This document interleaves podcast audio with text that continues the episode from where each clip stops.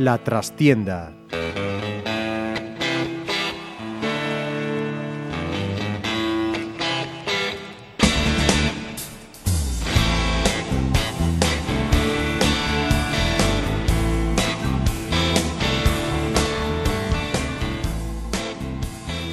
Saludos amigos, os habla Ramiro Espiño en nombre de todo el equipo. Comenzamos una nueva edición de La Trastienda en Pontevedra Viva Radio desde nuestros estudios en la calle Michelena de Pontevedra. Hace ya un buen número de años, prefiero no recordar cuántos porque nos haría demasiado mayores, allá por principios, mediados de los 80 y más exactamente en 1984, cuando el Pontevedra conseguía el ascenso a Segunda B en Eibar, los aficionados más veteranos recordarán que muchas de las alineaciones granates empezaban así con el 1 Paco, con el 2 Milucho, con el 3 Churruca, con el 4 Domingo, con el 5 Tapia. Esa era la línea defensiva de un equipo inolvidable. Y esa es nuestra alineación de esta trastienda, o al menos en sus tres primeros integrantes, Paco, Milucho y Churruca. Muy buenas, bienvenidos. Hola, buenas, buenas. buenas. ¿Cuántas cosas han pasado desde entonces? Eh? muchísimas, han pasado muchas buenas y muchas malas, naturalmente.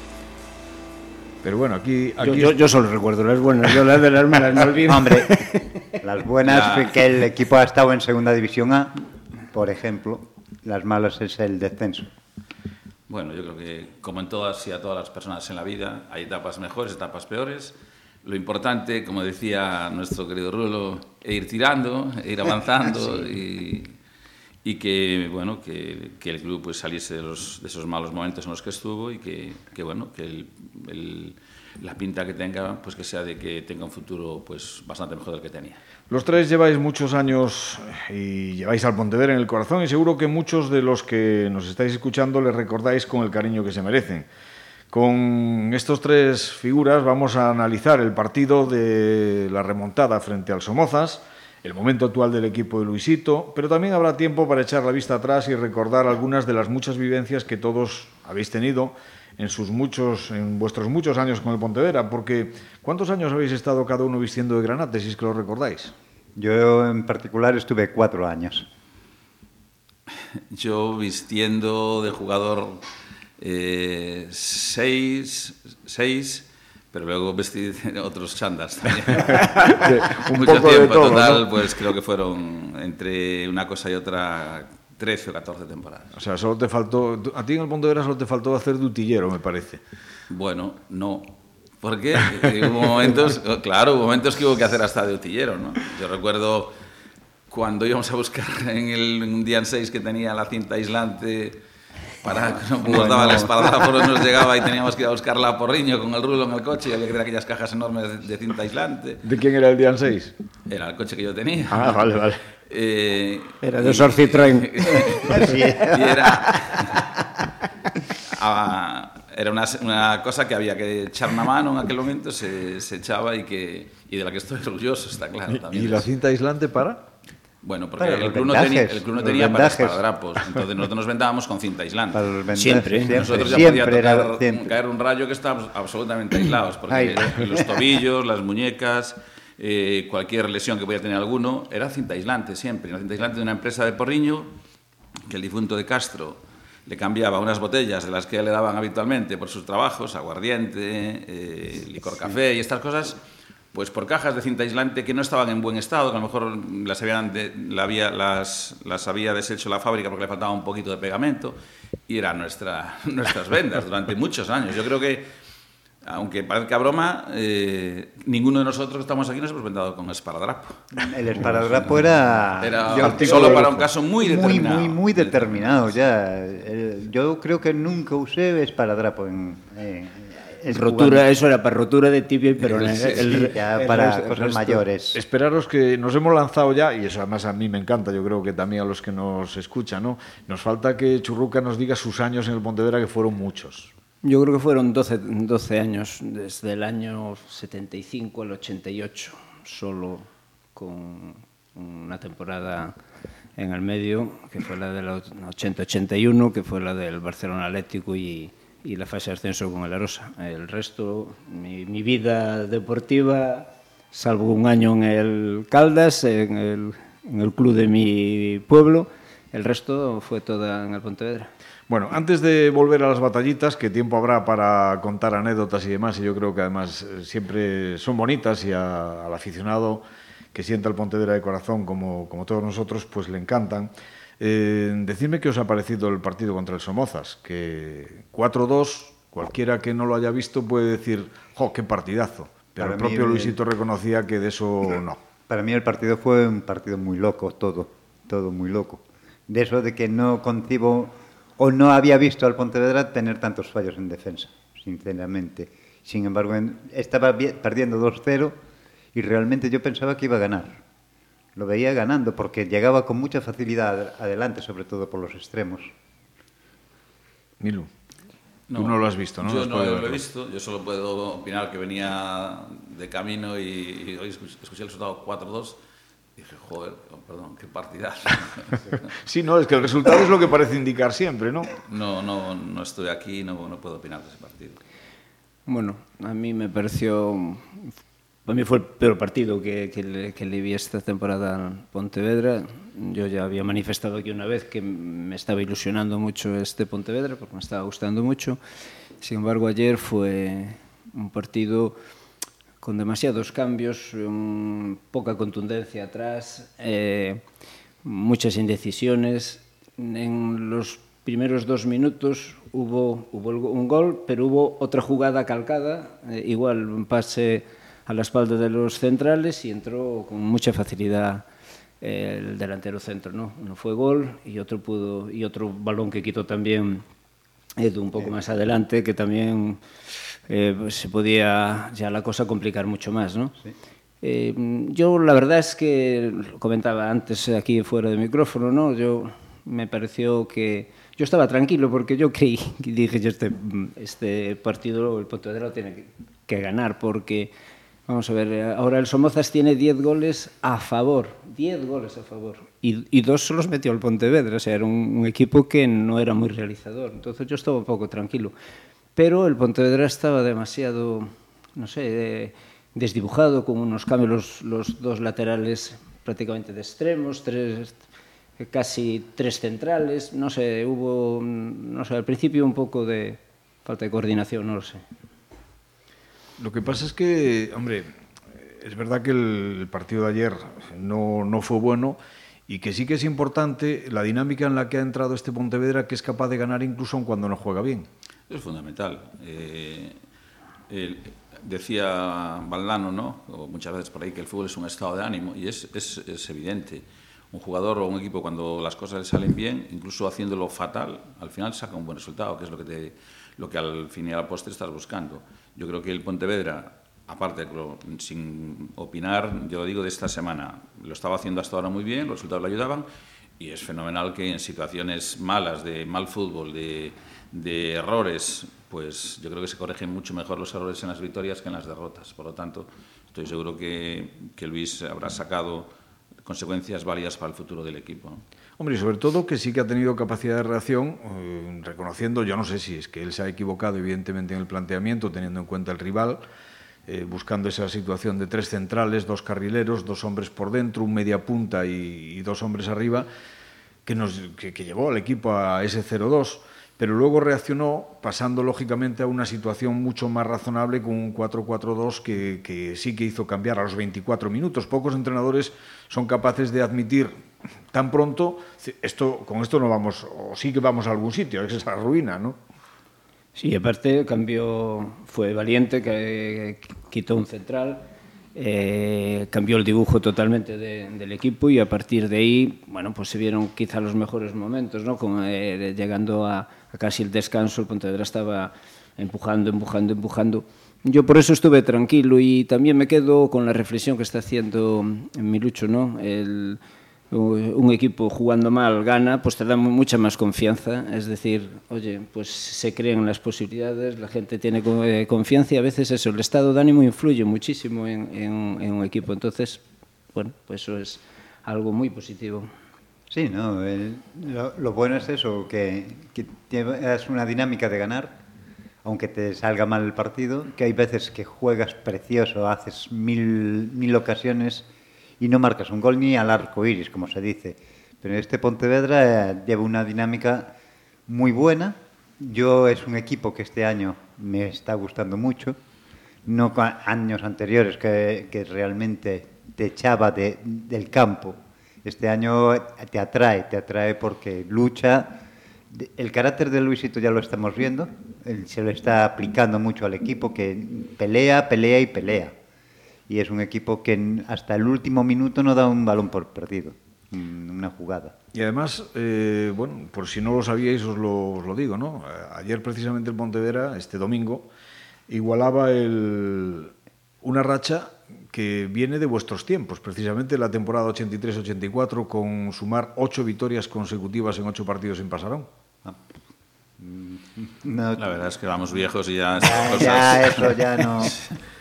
A ver, ahora hay muchas estadísticas, en ese tiempo no había estadística ninguna, de nada. Evidentemente, si ganabas, cuanto más ganabas, pues más contento estabas sí. y mejor pasabas la semana. Afortunadamente, Afortunadamente. Sí. y, y, nada más, yo creo que, que bueno, si, si igualó una racha muy buena de esa época, pues yo creo que todos nos alegramos y, y, que, la, y que la supere. Lo que sí está claro es que mmm, yo soy de los que digo que eh, todo el mundo se hizo una, o nos hicimos una buena una buena idea de que el Pontevedra puede ser un equipo importante, un equipo en la segunda vez de los que puedan disputar ese famoso playoff que parece que no gusta decirlo. Y es verdad que no está entre las mejores plantillas de la categoría, pero sí está siendo los mejor, de los mejores equipos de la categoría. Es un equipo solvente, un equipo que a pesar de eh, no tener esos nombres como pueden tener otros jugadores y otros equipos y esos presupuestos altos que tienen otros equipos, es capaz de estar ahí peleándose con todos y yo creo que hasta el final va a estar ahí. ¿Que pueda entrar en el playoff o no? Pues habrá muchos factores que puedan influir en ellos, pero que, que la idea de este Pontevedra es, lo tiene muy claro Luis, que es partido a partido, que es disputa domingo a domingo y vamos a ver dónde nos llegan los puntos. Eso es lo que os quería poner un poco sobre la mesa, ¿no? ¿A qué creéis que puede aspirar este Pontevedra esta, en esta temporada, en esta categoría? Bueno, si sigue así, desde luego estar en los puestos de playoff seguro. A mí, eh, tal como está disputando los partidos, eh, es difícil que, que, se le pueda escapar ese playoff. Ahora, ya en el playoff, ya eso es otro. Depende mucho de las circunstancias que llegues, cómo llegues y qué equipo te toque. Bueno, yo veo que solo faltan, si los datos que yo manejo, Sí, te veo, Solo, te veo ahí sí, que, pareces, que pareces talmente un, sí, sí, un, sí, viene, se llama? un scouting, ¿no? De, deberes hechos, como siempre. Como, está, como estamos en, Lleno de apuntes. en la época por la, de esta, las estadísticas, ¿no? Vamos a ver, es, eh, quedan solo eso cuatro... es mi lucha, hombre, el que se encarga de eso para sí, el sí, Real, sí, tiene que ir anotando. Eh, fíjate, fíjate cómo será que él siempre fue, eh, digamos, contrario a las tecnologías y hasta tiene WhatsApp y todo. No, y, y, lo que más me fastidia es tener que escribir, y teléfono en el, móvil. escribir en el móvil todo lo que tengo que escribir en los partidos, porque a mí en el papel nada, ya al móvil y para pasarlo a los cinco minutos a, al club. El papel, pero bueno, el papelito mira, ese mira que Los míos son de papel, ¿eh? Mira que te costó acceder a llevar móvil, ¿eh? Sí, sí, ya. A ver, yo era de los que. Yo soy muy terco y no me gustaba el móvil, no me gustaba el móvil, pero llegó un momento que no me quedó más remedio que por, el, por mi faceta pues hacerlo. Pero lo que más me fastidió, me fastidió, no fue que me obligasen a tener WhatsApp. Porque yo no tenía WhatsApp, tenía un móvil para coger y tal, pero el club me dijo que tenía que tener un WhatsApp, que las noticias llegan mucho más rápido. Y, bueno, el club El Villarreal, para el que sí, nos sí. esté escuchando y no lo sepa, que es para sí. el que estás trabajando. Y entonces, pues, no queda más remedio que, que adaptarse a estas tecnologías. Por eso que eh, yo veo a Churca con el papel, que está muy las bien, chuletas. y es lo que hago yo también muchas veces, ponerle sucio los papeles para luego pasarlo, porque como me ponga a escribir, tardo media hora en escribir una línea. No, no ves el partido. No, un, po, un poco, un poco eh, lo hice, mmm, bueno, pues eh, eh, para contestar también un poco y tener datos de la pregunta que acabas de hacer, uh -huh. es decir, ¿a qué aspira el Pontevedra? Faltan cuatro, cuatro jornadas para terminar la primera vuelta vamos a desechar el primero. La Leonesa parece que juega una liga aparte, sí, va... o está salvo que cambie sí, sí, mucho el, el, ahora los equipos, no, pero la segunda vuelta me da la impresión de que van a seguir los tiros por ahí. Es decir, entre el tercero y el cuarto que está el Pontevedra, estamos hablando de los, los, mm, las plazas de playoff, ¿no? Hay dos puntos. Entonces, si eh, faltando solo cuatro partidos, solo falta por, por medirse con, con cuatro equipos. Uh -huh. El Pontevedra está en esta situación y viendo ayer que, que, que, que jugó un partido malo, pero fue capaz de, de sobreponerse a un 2-0, que no es fácil, que muchas veces eh, el nerviosismo te puede hacer no saber ni jugar, eh, porque empiezas a que las prisas vienen y, y, y después el, el, tiempo pasa volando. Entonces yo creo que tenemos que estar, como dije al principio, yo creo que yo estoy ilusionado en que, a ver, yo creo que esta va a ser la vencida por lo menos, son, ¿no? Son cinco equipos para jugar un playoff. Ahí hay que meter a la Ponferradina, que se va a enganchar, aunque ahora esté lejos, se va a enganchar, porque al final tomarán medidas para engancharse, estoy seguro, en el mes de enero que, que no nos gustó nada, que lo vimos juntos no, el sí, otro sí, día. Evidentemente, y... pero que, que, se va a enganchar porque en el mes de enero es el equipo que va a poder reforzarse y poder meterse ahí y que luego, pues evidentemente, la Leonesa va a estar, el Celta B tiene un equipazo porque eh, podemos hablar de que es un equipo joven, entre comillas, pues un equipo joven de 25, 24, 23, con muchos jugadores con mucha experiencia. ¿No jugadores... depende demasiado de Borja Iglesias? Yo creo que no. Yo creo que, evidentemente, Borja hace los goles, pero es que la gente que tiene medio campo es gente de muy buen nivel, porque, por ejemplo, Gus Ledes es un jugador que verlo un, jugar en un filial en segunda B, joder, ese chaval cómo puede estar aquí. Pero claro, son jugadores que ya tienen, eh, firmaron el Celta teniendo opción a ver si entraban arriba en alguna convocatoria, gente ya de 23, 24 años y muy competitivo. Luego, evidentemente, el, el Pontevedra está ahí intentando meter la cabeza entre todos y la Ponferradina, que aunque se descolgó un poquito, vemos los jugadores que tienen, son todos, es la plantilla del año pasado de segunda, o muchos jugadores de la segunda y yo creo que ahora se van a dar cuenta de que para jugar en segunda B hay que tener jugadores atados a segunda B y vaya por algún comentario que yo hablé con alguna gente ya de, de Ponferrada del tema y la idea que tienen es eso, reforzar el equipo. Entonces yo creo que ahí entre cinco uno se va a quedar fuera y esperemos que sea el Pontevedra, que cualquiera de los otros cuatro pues que se quede y punto. Ya está. De todos modos decía el difunto editorial que la clasificación de la jornada 14 es la clasificación de final de liga. Siempre, pues, siempre. Pues, pues estamos, estamos, en la 15. Estamos en la 15, sí. Pero no sé cómo fue la semana pasada, la 14. Estaba ahí, el Pontevedra sí, también sí, estaba sí, ahí. Sí, sí, sí. Decía que la, jugar, la jornada 14 era el, el, Y la verdad es que yo me tengo fijado muchas veces, y desde cuando entrenaba, y es que ahí varían dos, tres equipos para arriba, dos, tres equipos para abajo, pero la jornada 14 tiene muchos visos de ser ¿Y lo, lo, lo, lo, comprobaste durante Sí, alguna vez, sí, sí, sí, sí, Algunas veces me pongo a ver, o me ponía a ver cómo íbamos a la jornada 14, cuando yo entrenaba, a ver por dónde podíamos andar. Y es muy, muy, si no apuntarlo, apuntarlo hoy, es muy, muy real esa clasificación. Y, y, a, ver, el Torreal de fútbol sabía un huevo. Ya, claro, claro, claro. Eh, si él no sabía, a ver. claro. pero, y, pero, ¿y tú descartas, cuál, eh, Mirucho, tú descartas cualquier no descuarto, no va a estar... Descarta. Eso... Yo es que hay equipos que me llaman la atención que estén, que estén, ah, que igual, estén ahí igual, abajo, ¿no? Que... Mira, pero el Ferrol ahora se equivoca si se pone a pensar en playoff. El Compostela el año pasado, estas jornadas, pensaba en playoff. Sí, y descendió. Y yo hablé con gente del Compostela y le dije, aún aún no había cogido el equipo Freddy, que ya no había playoff, que había que cambiarse el objetivo. Y cuando un equipo tiene un objetivo muy grande, como es jugar un playoff, y de repente ves que es inalcanzable, anímicamente el equipo lleva un palo enorme y el Ferrol no llega a playoff, o sea que ya se puede poner como se quiera. El Burgos no llega a playoff, Burgos fue hecho para jugar un playoff, sí, pero el Burgos no va a llegar al playoff. Sí, y el, con, y, concretamente estaba pensando en esos dos. Y el Racing de Ferrol no van a llegar al playoff, o sea, yo lo tengo clarísimo. Es me que gustaría un... que el, playoff, el, el Ferrol anduviese ahí cerca, como me gustaría que el Coruso y el Somozas no, y el Boiro estuviesen ahí todos en el lío, porque yo ojalá fuesen los cuatro gallos los que jugasen el playoff, pero me doy cuenta de que, que no, que no, no, es, no es viable.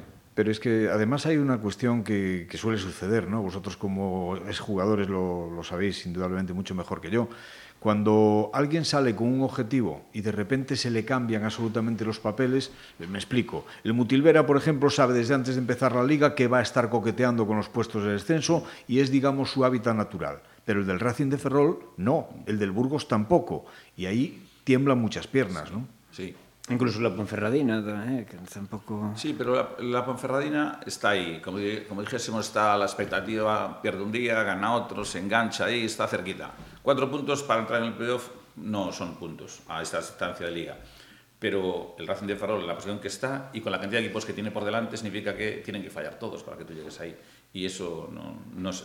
En el fútbol muchas veces decimos que es ilógico, en algunas cosas, en otras es muy lógico, no hay posibilidad de llegar ahí. 16 puntos. 16 puntos es una eternidad. Está a 16 no, puntos. Y la, y la gente dirá, 16 puntos son, son 6 partidos, 5 partidos y un empate. No, es que eso Son tienes que perder tú, ganarlos tú y ganarlos los, los 14 equipos que tienes por encima. No puede ser. Son No, ese puntos, playoff, eh, yo, yo tengo clarísimo que los 5 del playoff ya están definitivo, definidos, porque Valladolid B, mm, sería Bueno. una sorpresa enorme que se anduviese ahí cerca, porque no tiene, yo no le veo como equipo... ¿Y el de- Coruso? Tampoco, tampoco. Está de séptimo. Eso, Es igual, es eso igual, te iba a preguntar, tú igual. conoces bien la categoría, porque mira Es que, igual. hombre, perdió con el Celta B, pero muy ajustadito, Eh, pero venía de una racha Sí, estupenda. ¿eh? eh, el Coruso mm, empezó teniendo muy mala fortuna en los, en los minutos finales del partido. Rafa fue capaz de ajustar eso y, y hacerle ver a la gente que el partido dura hasta el 95, hasta el 96, porque recordemos que empató, por ejemplo, en casa con el Tudelano, empató en el 80 le empató el Tudelano en el 89 en un saque de banda. La Leonesa, 0-0, minuto 93, le ganó eh, en, una jugada de un, de córner mal defendido. Y no sé cuál otro partido fue. En tres partidos perdió tres eh, derrotas que tenía amarrado el punto. Y ahora pues le vino el lado contrario. Porque en el fútbol, si ponemos en la balanza la suerte de un lado Sí, en del una liga otro, terminas estando donde te ahí mereces, estás, ¿no? Ahí estás. Ahora está teniendo esa fortuna que a lo mejor no tuvo. El otro día pues saca un partido en casa que todo el mundo dice que, que no den el del, del Valencia, que era un partido para no ganarlo. Y entró. Yo creo que el, el Coruso además tiene una limitación grande en la plantilla. El Coruso tiene 17, 16 jugadores. Si me estiro mucho, y además no tiene más, porque el resto son juveniles que están un poco, pues eso, rellenando un poquito la situación. Pero en febrero se van a necesitar más jugadores. Claro, sabemos ver, sabemos yo por ojalá- experiencia que ahí es donde se empieza a Ojalá que definir. Estuviese ahí peleando la disputa también, pero no, no. eh, la ilusión que tiene Rafa es enorme, la ilusión que tienen los jugadores es enorme. eh, van a pelear hasta el último momento por conseguirlo, pero yo creo que, que no tiene nivel para jugar playoff con esos cinco equipos que hay arriba. ¿eh? Estamos hablando de los cuatro que están, más la Ponferradina. Precisamente esa puede ser una de las fortalezas de este Pontevedra, que tiene un fondo de armario quizá más amplio, porque hay muchos jugadores que saliendo desde el banquillo, saliendo incluso desde fuera de la convocatoria, pueden aportar cosas. Yo- Yo realmente eh, este año he visto pocos partidos. No sé el fondo de armario que tiene el Pontevedra, pero lo que he visto es que salga, salga uno, salga el otro. Lo que veo es un nivel del Pontevedra que no varía. Hasta ahora siempre ha Sí, a sido... eso, a eso me refiero, que cuando Sí, sale sí, un lo que jugador pasa nuevo es que se no sé, la- no si tiene, no sé si tiene 15 jugadores o 16 o tiene los 20 de un nivel determinado. Eso es lo que me refiero. Sin embargo, juegue quien juegue, veo que el Pontevedra no se resiente, a menos, bueno, lo de ayer eh, pongámoslo aparte, ¿no? Pero que no se resiente. Es, lo Es ves muy- en un nivel bastante, bastante igualadito. Sí, sí, hay jugadores, sí hay jugadores que cuando uno está lesionado o que pasa por un momento de, de forma bajo y tal, y, y sale otro y, y el, y el equipo sigue rindiendo al mismo nivel, eso es importantísimo, claro. Eso, Es, es muy importante, porque- en la plantilla del Pontevedra es muy importante el grupo de gente que no juega de inicio. y, y es verdad que salen y aportan, casi siempre salen y aportan. Eh, por ejemplo, eh, la lesión de Iker Sí, es, un, es un golpe grave para el fútbol, de la idea del Pontevedra. Porque con Iker en la plantilla, el Pontevedra tenía un potencial atacante escandaloso. Sobre la todo para los B. partidos a domicilio, ¿no? Para Velocidad, buena finalización, buen pasador, listo en el regate. Tenía muchas, muchas posibilidades de estar a- mucho más arriba donde está. ¿Qué pasa? Que es que la gente que tiene está dando muy buen nivel, porque no juega Mario Barco, como pasó hace dos semanas aquí en Pasarón, pero llega eh, el chico Mateo. Mateo, Y, y te la pone ahí. Esta semana nadie contaba al principio que iba a jugar eh, el Canario. Abel. Abel sale y da un nivel aceptable, aunque empiece con las dudas que empezó todo el equipo. Yo creo que luego está la gente de aquí. A ver, caso de Bruno. Bruno era estaba parecía como de, de tercer central o de quinto central. Es que Bruno, yo me acuerdo el día de la Ponferradina hizo un partido más que más que correcto, más que aceptable, con muy buenas cosas como para que, que digas, joder, aquí si si falla Capi o si falta Portela, aquí está Bruno, pero es que ahora no hace falta que falle Capi o Portela, está. Bruno y eso es muy importante para un equipo. Y yo creo que es el, la, la, gran baza del Pontevedra es la similitud que hay en la, entre la mayoría de los jugadores. No, y arriba, Porque si tú ahora un equipo de segunda B, eh, cualquier equipo de segunda B dice, cógele un jugador a la leonesa, saben a quién le van a coger. Sí, casi todos, casi todos al mismo. Saben a quién le van a coger. Cógeselo al Pontevedra. Y entran dudas, porque de a quién, si, hay, si son iguales. Que no hay ninguno que sea un crack, pero es que los demás que son todos iguales. Claro, ¿a quién cojo yo ahora? Cojo a Mario Barco, le cojo a Kevin, yo qué sé, le cojo a Bruno, me, te meten dudas, ¿no? Mm. Eso es muy, muy, importante porque para el Pontevedra es, es, también fortalecer y darle a los contrarios eh, miedo. Y el, tú, tú y, vas a jugar... Y, el, y, el, propio equipo, que nadie se duerma. Claro, porque, eh, claro, eso, eso. Tú vas a jugar a Ferrol... Es lo que... Tú vas a, yo el, la semana, este sábado estuve viendo a la, a la Leonesa y el Racing de Ferrol. Es que los equipos ya van a Ferrol pensando que van a ganar. Porque, porque ya... Eh, eh, el propio equipo no te transmite esa seguridad. A Pasarón los equipos vienen pensando que a ver sin pato, porque no gana nadie. Entonces, cuando tú consigues meter al contrario ese miedo, o ese respeto, no miedo, ese respeto de, de jugar en tu casa, pues hace que el contrario vaya allí con muchísimas más precauciones y, y al menos no arriesgue tanto, ¿no? Y el Pontevedras tiene eso. Es que además los tres de arriba, de, al margen ya que estoy absolutamente de acuerdo contigo, que la lesión de Iker Alegre eh, fue un hándicap importantísima, ¿no? Pero estando bien, Añón, Quique, eh, esto, Barco y Mateu, mm. es que te hacen peligro de, de, de cualquier cosa, ¿no? O sea, sin, a, aparte de, del trabajo que dan mm. en, luego en la presión, porque ayer, por ejemplo, el cuarto gol del Pontevedra fue, fruto fue precisamente de perseguir un balón imposible. Bueno, sí, pero, sí, sí. El chico, el chico este está dando, a mí me está, es el que más me está gustando, ¿no?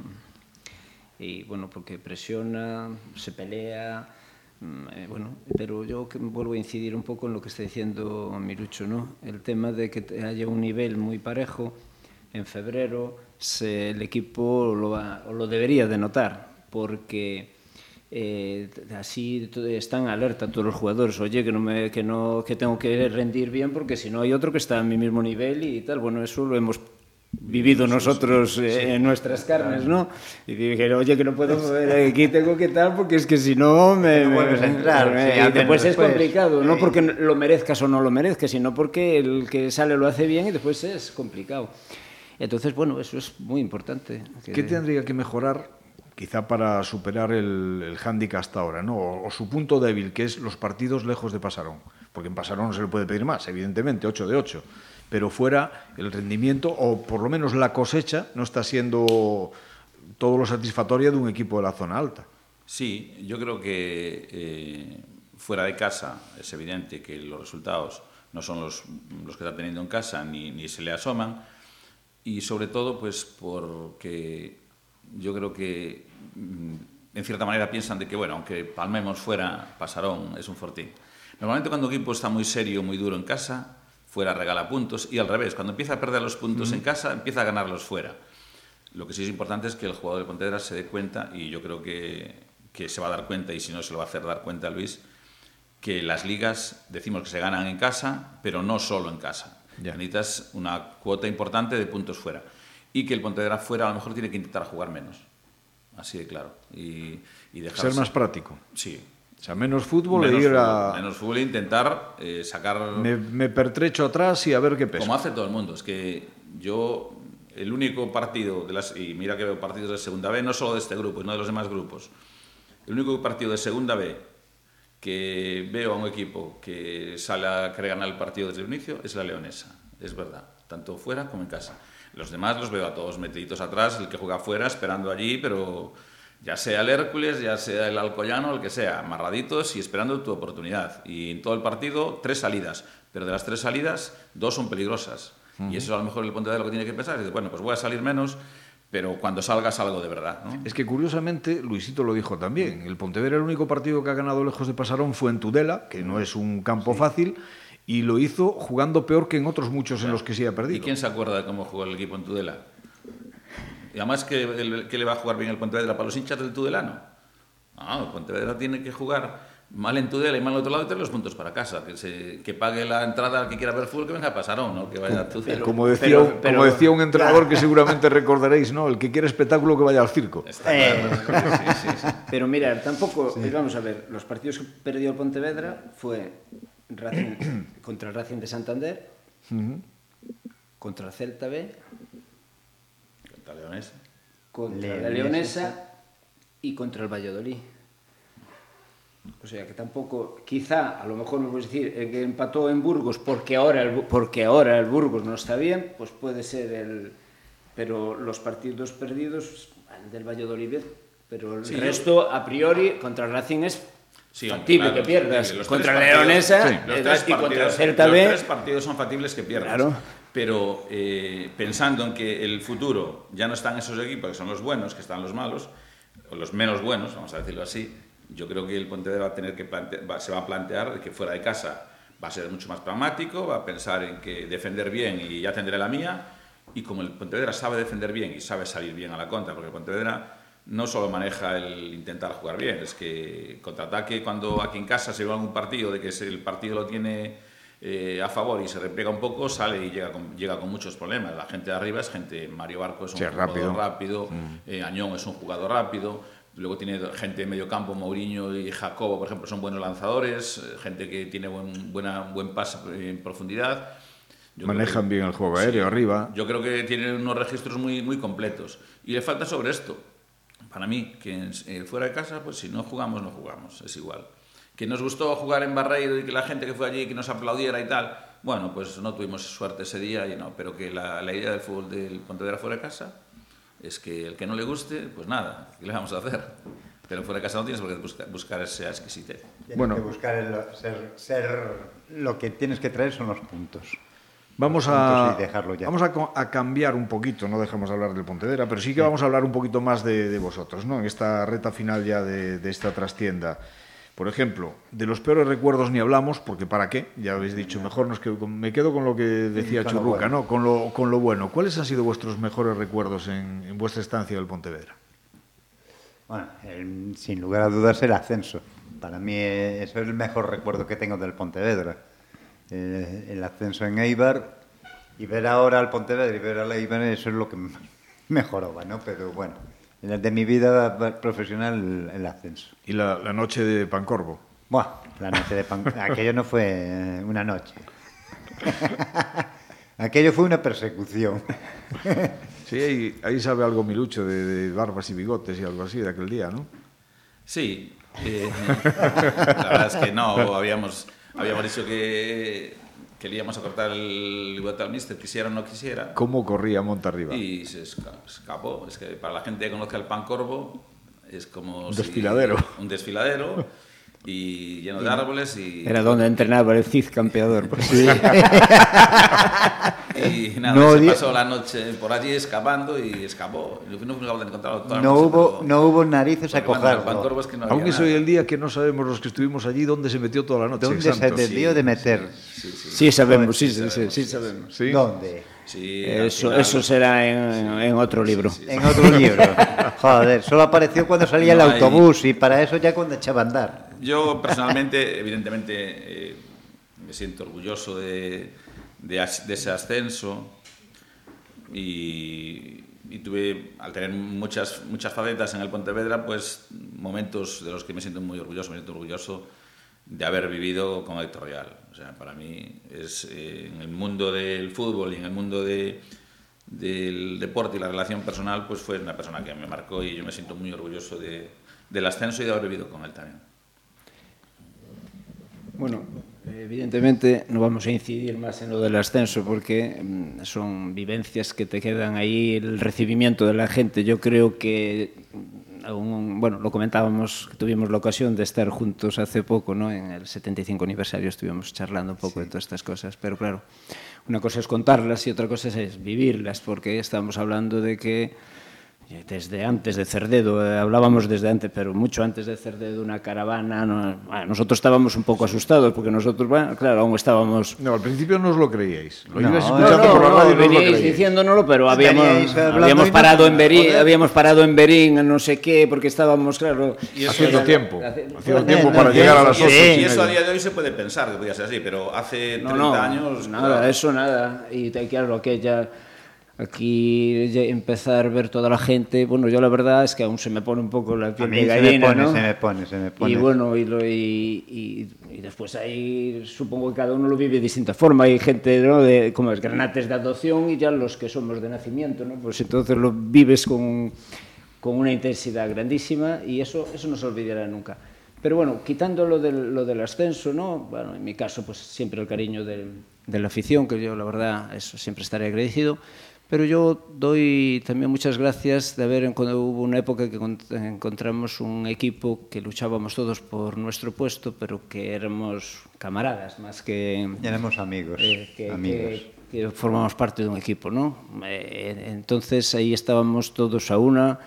Yo la verdad es que eh, nosotros nos divertíamos entrenando, porque la, la, verdad es que nosotros nos divertíamos entrenando, ¿no? Y jugando las tortillas los sábados, Eh, sobre todo. No, hostia. Sí, Eh, no, porque es que eso es lo importante, que vas a divertirte, no vas a pasar, joder, a entrenar otra vez. No, no, nosotros queríamos ir a entrenar porque lo pasábamos bien y porque podíamos estar todos juntos y porque al acabar de comer, los, cuando entrenábamos había la partida aquella terrible en el balisas o todas esas cosas. La tortilla, jugar la, La torti- la tortilla, la tortilla, tortilla del la sábado. Si algunos, si algunos en el fútbol actual se emplearan con la contundencia de lo que nos empleábamos Para la para tortilla, la me tortilla.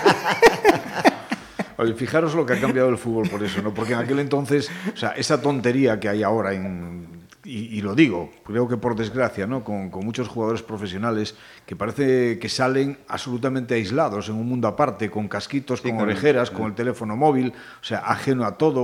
O sea, No es ajeno, es lo en aquel- utilizan ya para parecer que es ajeno. A mí eso me molesta bastante. Aquel, en aquel entonces había una proximidad importante entre los medios de comunicación, los jugadores, entrenadores y demás, y no pasaba absolutamente nada. Ahora parece que, que- que está prohibido eso y que es algo, no sé, que, que no... Eh, la verdad es que las cosas cambiaron, y para bien, evidentemente, no vamos a pensar.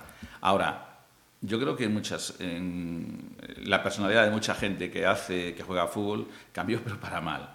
Eh, tú no puedes entender, no, puedes hacer que, la relación donde estás trabajando todo el día con unos compañeros sea distante. La relación tiene que ser, estás trabajando con gente en tu mismo grupo y tienes que llevarte bien, tienes una relación, yo no digo de amistad, pero sí de relación buena. Y ahora ves en muchísimos equipos que no hay ni siquiera, ni siquiera relación eh, fluida. Ya no vamos a hablar de amistad. Pero es que eh, lo que decía Churruca y Paco es que en ese equipo era amistad. Porque yo y Churruca y Paco y todos los que estamos en estas situaciones intentamos hablar con muchísimos jugadores de que no los veíamos. No sé, cuando uno entenderas que uno está mal, pues hay que llamar a fulanito que no, las cosas no le van bien o al otro que le pasó no sé lo que. Todo esto sigue pasando 40 años después. O sea, eso es lo que dice Churruca. Es que no era un equipo de fútbol que iba a jugar, se presentaba allí a jugar. Era un grupo de amigos que lo pasaba cojonudo juntándose y entrenando. Pero es que además eso luego da un plus en el campo, ¿no? Porque tú a un amigo no le dejas vendido. Intentas dar siempre un esfuerzo más, ¿no? Y, y hubo jugadores que a lo mejor llegaron al club y no con muchísimo con muchísimo mayor nivel de lo mejor del que teníamos y tuvieron que marchar porque no fueron capaces de entrar en esa dinámica porque no se creían esas cosas que podía ser eso la, la necesidad que, de unión que necesitaba el grupo No y que, a y que, del y que se, se iban del, del equipo y dijo pero ¿cómo se echaba el dejó el Pontevedra? es que no encajaba, es que lo echasteis no sé qué no, no, nosotros no echamos a nadie nosotros la, la puerta abierta pero no todo el mundo encaja de la misma manera ¿no? Es que decía Irureta en sus últimos tiempos en el Deportivo, eh, en una entrevista que le realizaron, yo me quedé con esta frase, ¿no? Que decía, el jugador de fútbol mientras está en activo, ya en esta época, ¿no? Es un cabrón egoísta. Luego cuando se retira pasa a ser una persona en la que hay, como en todos los colectivos y profesiones y demás, buenos, regulares, malos y un No, poquito de todo. Pero eso no pasó en nuestra época. Y ahora es no, una no, idea- lo digo, sí, por supuesto. No, no, no. En, en- en esta época, en esta época, en esta época que estamos hablando, ¿no? He, he dicho que Irureta con respeto ya a una ahora época sí, más no, cercana. No, la de ahora, la de ahora. que en ese aspecto yo creo que el fútbol ha cambiado para peor. Lo escuchamos en, en la conferencia que, que dio aquí mm, eh, eh, del Bosque, ¿no? Cuando estaban hablando de lo que era hoy el, el vestuario, ¿no? Entonces, claro, yo no me identifico para nada con, con el, el futbolista al uso de hoy, y ya, eh, estoy hablando, claro, de jugadores de, de alto nivel, ¿no? que no se conocen, que, que decían allí que vienen con sus cascos, su música, su no sé qué, y no se conocen.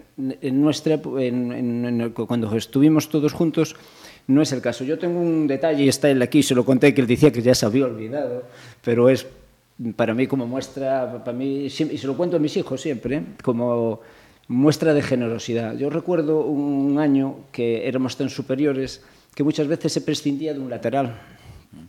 Sí. Jugábamos solo con tres, tres defensas. defensas. sí. Que no eran tres centrales. ¿o No, no, no, y, si, y si jugaba yo, pues jugaban con dos. claro, si jugaba yo, ya jugaban con dos. Bueno. Aclara. No, porque yo, no, ya, no, ya, bueno, bueno, sino porque estabas jugando siempre al ataque. Claro, yo, eh, yo subía todo seguido, seguido, ¿no? Tanto. Bueno, entonces resulta que fuimos en las Navidades a un, a un programa de radio.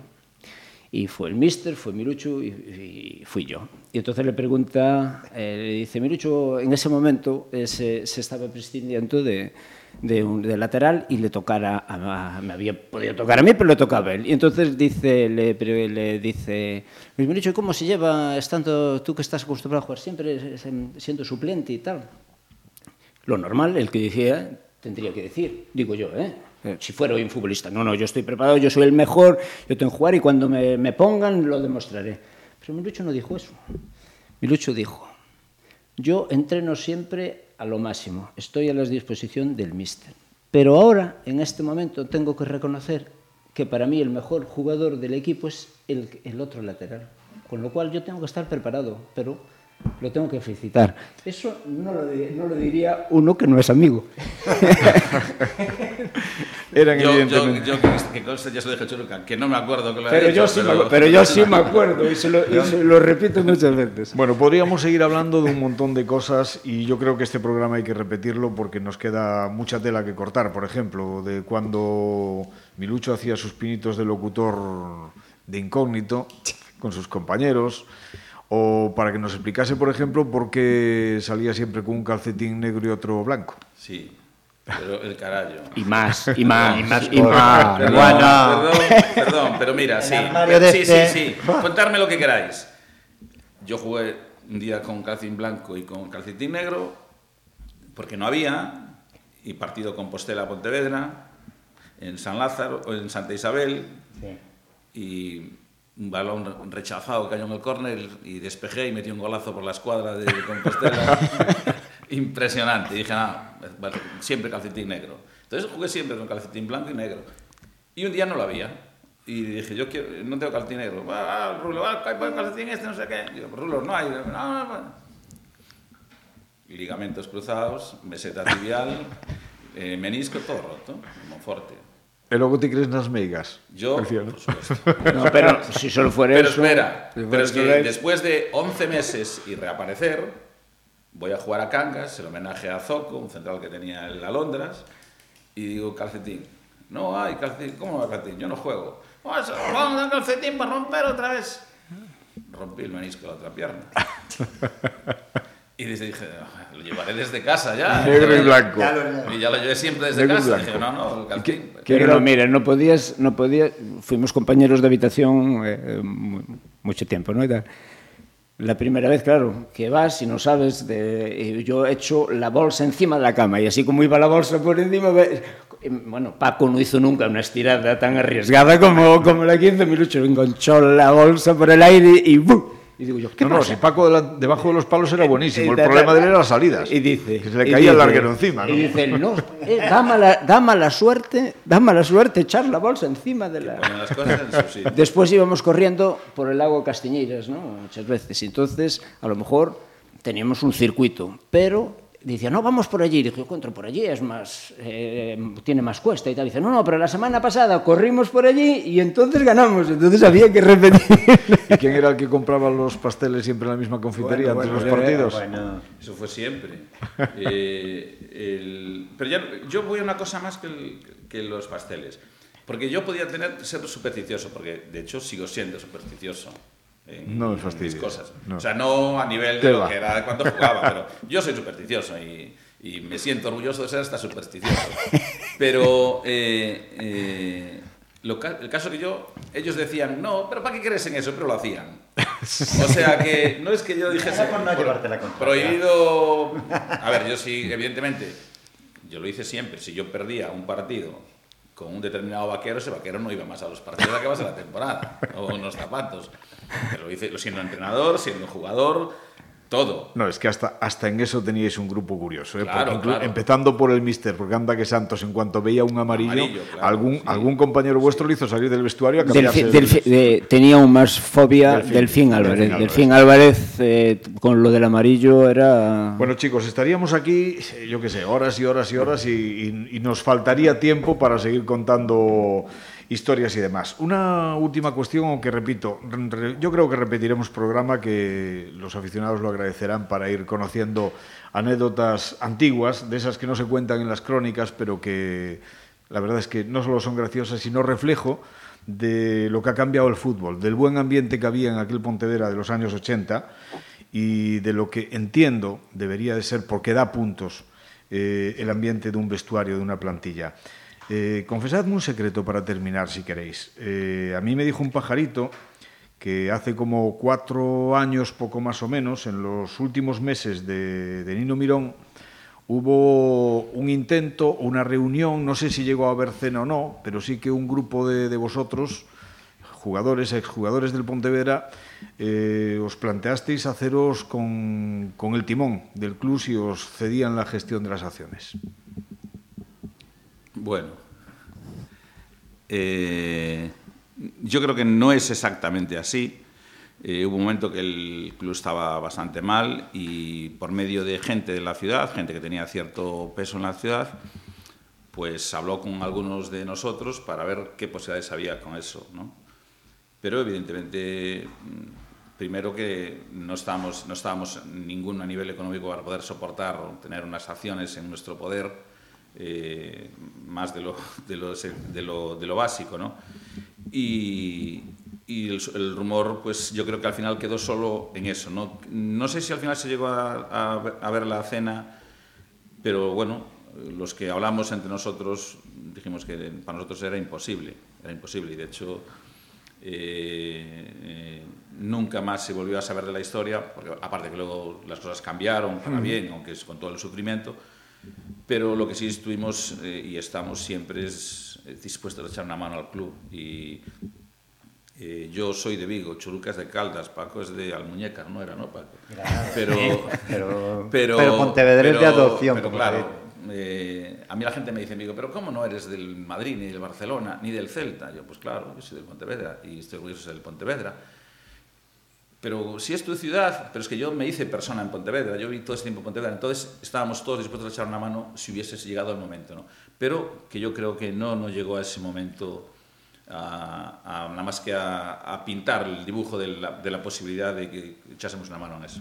Lo dicho, eh, por si a alguien le quedaba alguna duda, repito lo que comentaba al principio. Eh, a estos tres tíos que tengo aquí, y digo tíos con todo, con todo el cariño del mundo, eh, si algo les distingue precisamente es su amor por el Pontevedra Club Pero no dijiste nada de las tundas que llevaste a las cartas. Es- eso hay mucho, eso es un mito urbano. Un mito urbano. Muchas Tú tundas. sabes, tú sabes que yo he, he tenido algún viaje en el autobús con el Pontevedra en el que me sentaba en Pontevedra jugando al tute, haciendo pareja con el Mister, con Santos, y vosotros intentando dar señas por fuera y nos levantábamos en Almería. Bueno. Sin perder una. Yo me Solo acuerdo- parando para, ¿Te acuerdas para de comer. Lérida? De Lérida. Bueno. Bueno, eso, eso, es, pa- eso es para otra... Eso es para eso. ¿Cómo- cómo es? Eh. Continuará. Continuará. Para otro programa. Algo, Otro me, programa. algo me tenía que tocar a mí también. Muchísimas gracias, amigos. Un placer, de verdad. A vosotros. Y a los que nos escucháis, os dejamos con nuestra habitual despedida musical. Para ello os ofrecemos este temazo de la banda de rock alternativo y pop británico, originaria de Glasgow, Texas. Aunque no lo parezca, son de Glasgow, sí, no son americanos. I Don't Want a Lover, un maravilloso directo de su concierto en París en el año 2010. Como siempre, que lo disfrutéis. Será hasta la próxima semana que intentaremos que haya más y si podemos, es difícil hoy, también mejor. Muchas gracias, os esperamos. Bueno,